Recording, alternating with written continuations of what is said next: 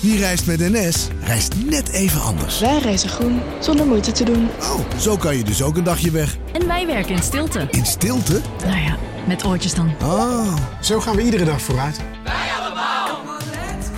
Stap je ook in?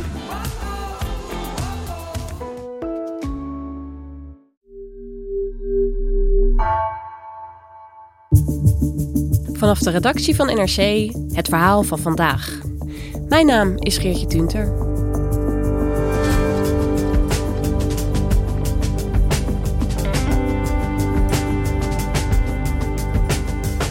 Ruzie over een bureaustoel, nieuwe sloten op de deur en een directeur die dreigt verborgen camera's op te hangen op de redactie.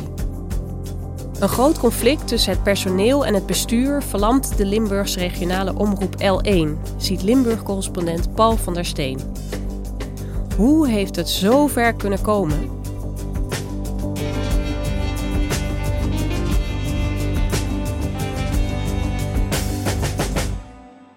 Er is een hoop onrust bij L1, dat heb je waarschijnlijk wel meegekregen. Er is op dit moment een werkonderbreking aan de gang zelfs. We krijgen er ook wat appjes over. Leg even mijn voet op tafel. Oh, je bent uit het onderbreken. Goed. Oh. Op 3 februari is er een werkonderbreking geweest bij L1. We krijgen er wat appjes over van gaan jullie op zwart, gaan jullie ermee stoppen, gaan jullie de zender dichtgooien? Nee, dat gaan we allemaal niet doen. De uitzendingen liepen overigens gewoon door. Omdat wij voor een deel ook in de entertainment business werken en de show must go on.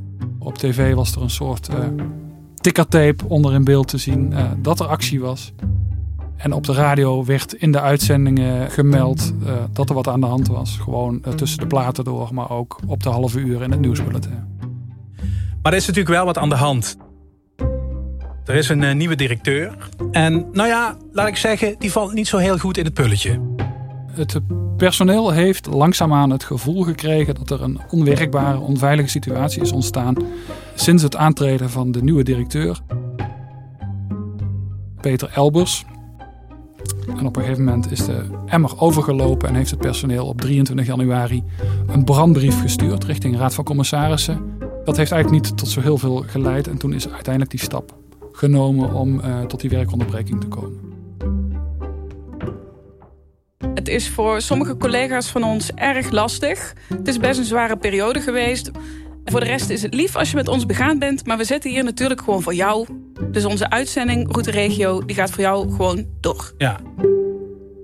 Medewerkers van, uh, van L1 die legden dus uit protest tegen hun directeur het werk neer.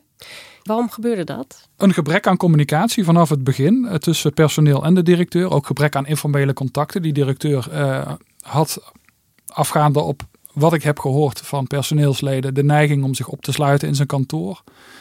Heeft op een gegeven moment ook nieuwe sloten op zijn kantoor laten maken. De draairichting van de deur laten veranderen. En daar kwam dan nog bij, en dat is echt de druppel geweest, dat uh, de directeur, uh, Elbers, op een gegeven moment een concept privacy-reglement heeft gemaakt. Waarin hij stelde dat hij het recht zou moeten hebben bij zwaarwegende redenen, door hemzelf te bepalen, het recht zou moeten hebben om mailverkeer in te kijken, maar ook om verborgen camera's op te hangen, waarbij die personeelsleden in de gaten zou kunnen houden. De camera's ophangen op zijn eigen redactie. Ja. Dat is niet, uh, dat is niet niks. Hoe kon er zo'n gespannen situatie ontstaan? Ja, het begint eigenlijk in 2018 met het afketsen van een, uh, een fusie tussen uh, Omroep Brabant en de Limburgse Omroep L1. En dat was voor de Raad van Commissarissen en voor de zittende directeur eigenlijk het moment om te stoppen en plaats te maken voor nieuwe mensen. Dat heeft men proberen op te vangen in eerste instantie met twee interim-directeuren die aantraden. En een tijdje daarna is er ook een uh, nieuwe raad van uh, commissarissen als toezichthoudend orgaan op de omroep uh, gekomen. Daar zat al een soort wrijving voor wat betreft het, het, personeel van L1.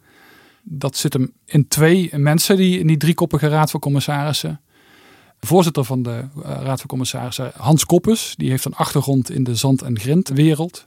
Een wereld die nogal eens opduikt als het gaat om integriteitsaffaires die in Limburg spelen.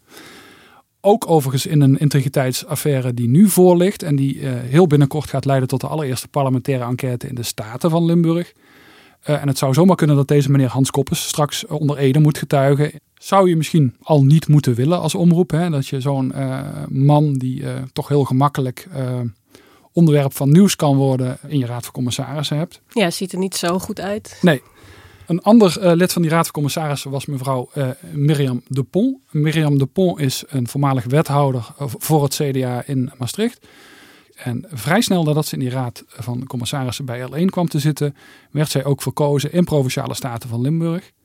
En daar was men bij L1 echt ongelukkig mee. Hè? Want ja, dat, uh, je, je, loopt echt de kans dat je daar echt geregeld in uitzendingen hebt op radio en tv. En deze vrouw heb je tegelijkertijd in je eigen toezichthoudend orgaan zitten. Waarbij je dus ook nog eens de uh, schijn oproept dat iemand uit de politiek invloed heeft op het reilen en zeilen van L1. Ja, en je zei er was wrijving over, dus de redactie was daar niet tevreden mee, kan ik me zo voorstellen. Werd er iets met hun kritiek gedaan? Um, ja, eigenlijk vrij weinig. En tegelijkertijd werd wel Peter Elbos benoemd. Iemand die in de jaren, begin jaren 80 een blauwe maandag in de journalistiek heeft gewerkt. Daarna carrière heeft gemaakt in de communicatie. En die nu zijn vinger opstak om directeur te worden bij L1. Daar komt nog eens bij dat uh, Elbers op het moment dat hij aantrad als directeur fractievoorzitter was van de VVD. In Horst aan de Maas, gemeente in Noord-Limburg. Uh, dus eigenlijk weer een politieke dubbelfunctie. In het geval van Elbers was dat probleem in die zin redelijk uh, snel opgelost dat hij een paar weken na zijn aantreden als directeur aankondigde dat hij dat fractievoorzitterschap op zou gaan geven.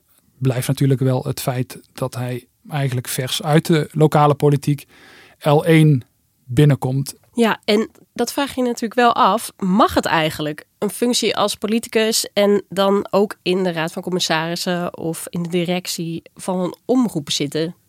Ja, het was vroeger ooit heel gewoon. Hè. Je zag ook in de landelijke omroep, zeker bij de zuilenomroepen, dat uh, soms mensen in, in, de Tweede Kamer zaten en ook tegelijkertijd uh, directie voerden van een, uh, een omroep. Dat is langzamerhand sowieso gesleten, maar er is ook wetgeving gekomen die dat nu verbiedt. De mediawet verbiedt nadrukkelijk dat actieve politici een rol hebben in de directie of het bestuur van een omroep. Alleen op de een of andere manier heeft de wetgever, de Kamer, uh, laten liggen dat je dat ook regelt voor regionale omroepen. Waarbij je eigenlijk zou kunnen zeggen dat het daar misschien nog wel belangrijker is, omdat het allemaal wat benauwder is. Maar tegelijkertijd um, heeft elke omroep ook e-, eigen, eigen statuten als organisatie. En zie je dat alle regionale omroepen in hun statuut hebben staan dat ze geen actieve politici uh, op directieniveau of in raden van toezicht willen hebben. Ook L1 had zo'n bepaling. Uh, alleen is dat statuut gewijzigd kort nadat mevrouw De Pont uh, is aangetreden als staatslid voor het CDA. Dus ja, nu kan dat, kan dat wel bij L1. Is dat toeval of hoe moet ik dat zien? Um, dat valt lastig na te gaan. Het had ook iets te maken met het feit dat er op dat moment nieuwe statuten moesten komen. Maar ja, het is wel gek dat er dan één omroep is die net op dat moment die statuten wijzigt. Op die manier.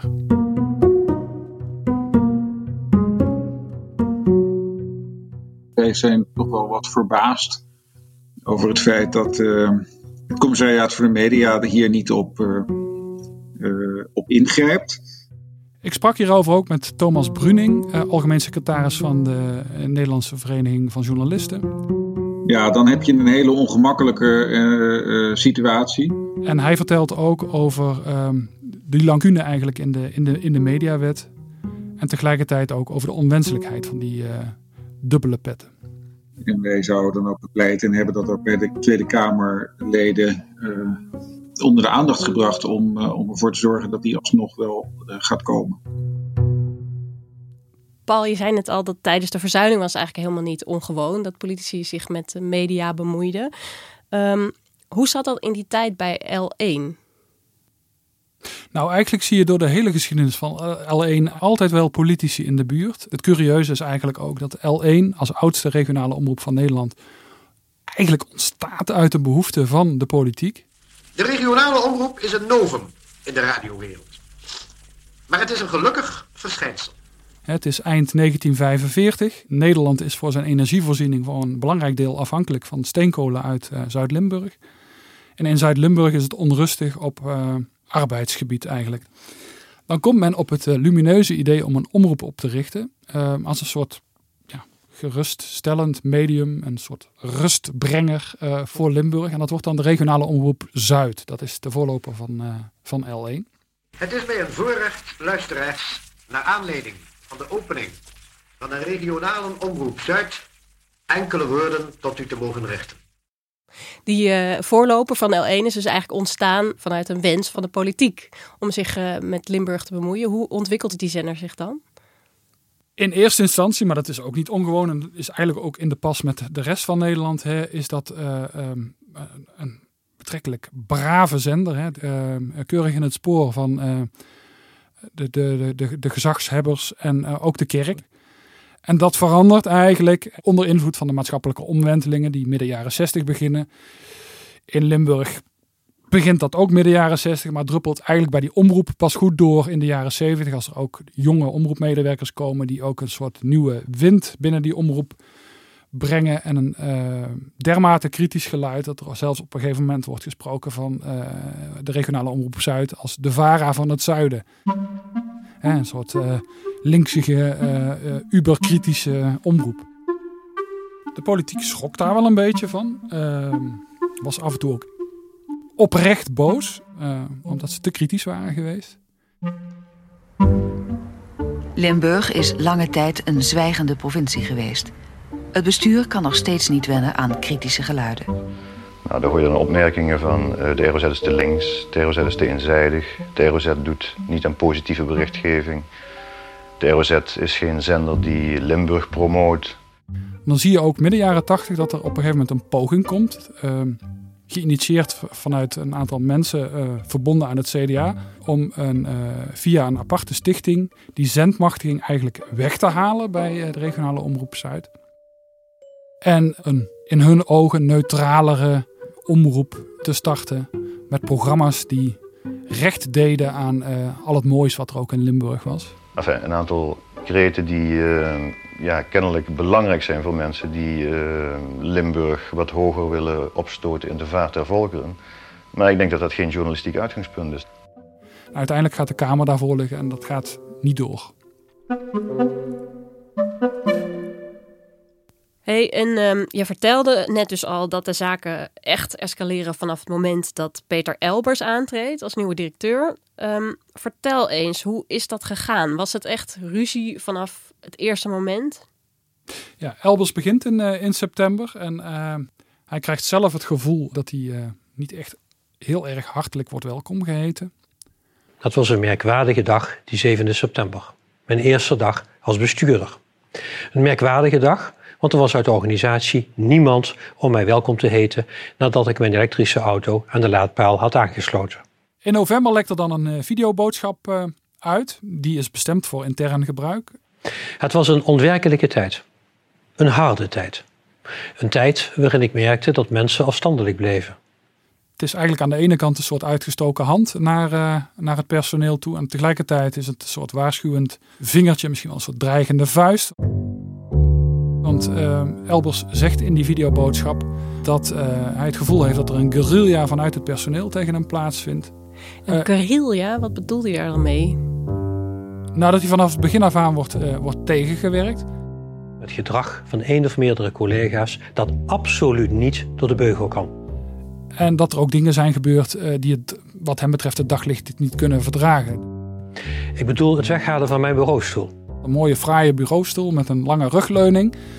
Het personeel zegt dan van ja, dat was een bureaustoel van de redactie. Van iemand die rugproblemen had. Die hebben we teruggehaald. Het plaatsen van een kruis op het raam van mijn kamer en het ophangen van uitroeptekens tegen het raam. De redactie zegt van nou heeft iemand een grapje willen maken, want die ramen waren opeens verduisterd. En die, heeft een diagonaal kruis daar neergezet. Beetje vanuit de gedachte van verboden hier naar binnen te, te kijken. Deze guerrilla hoort niet thuis in een organisatie. En ook niet bij ons. En ik zal er alles aan doen om dit te bestrijden en goede maatregelen te nemen. Iedereen is dus gewaarschuwd. Helaas, het is niet anders.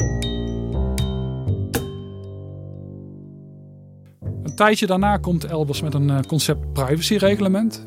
Waarin hij eigenlijk stelt dat uh, bij zwaarwegende redenen, door Elbers zelf te bepalen, hij de mail van medewerkers moet kunnen inzien.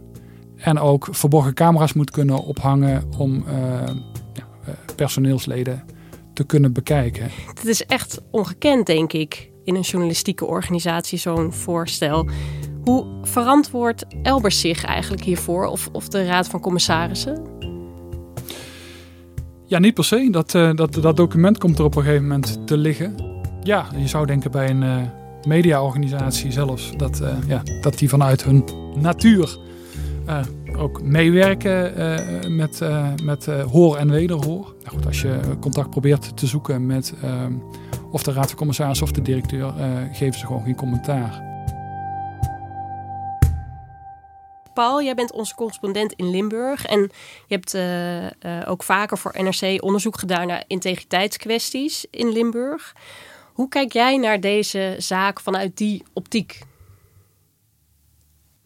Is heel lastig. Uh, want je gaat dingen benoemen waarvan je niet helemaal zeker weet. Ja, wat, wat, wat is er aan de hand? Hè? Ook, dat heeft ook alles te maken met dat je gewoon echt die kant van de Raad van Commissarissen en de directie, dat dat een soort black box, om een slecht Nederlands woord te gebruiken, is hè, dat je echt helemaal niet weet wat de beweegredenen zijn. In, in je alle duisterste vermoedens uh, zou je iets kunnen bedenken van een, een, politiek opzetje om ook echt invloed uit te oefenen op zo'n omroep.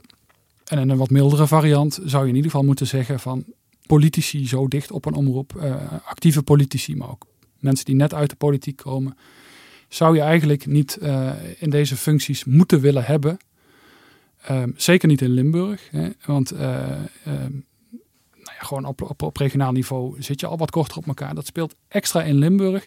Het is een soort vissenkom met een heel klein openingetje naar, naar buiten.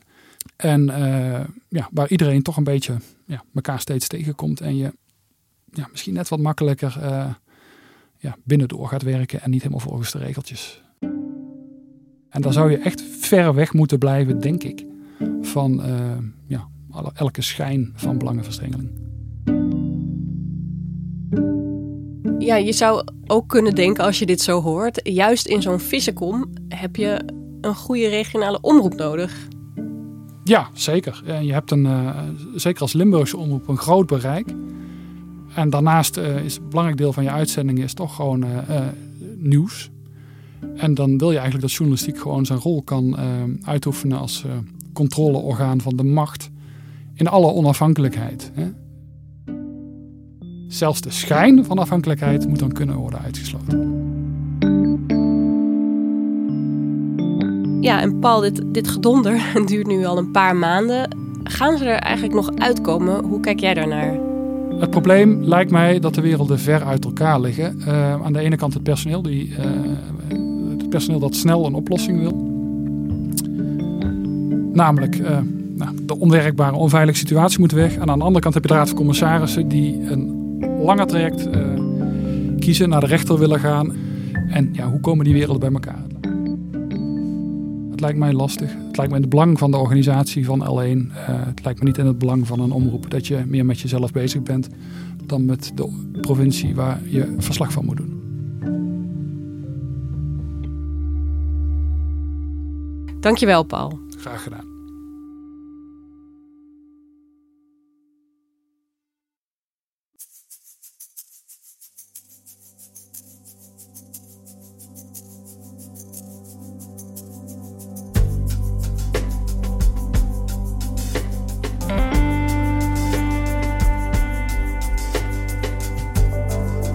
Luisterde naar Vandaag, een podcast van NRC. Eén verhaal, elke dag. Deze aflevering werd gemaakt door Tessa Kolen en Julie Blusset. Chef van de audioredactie is Anne Moraal. Dit was vandaag, morgen weer.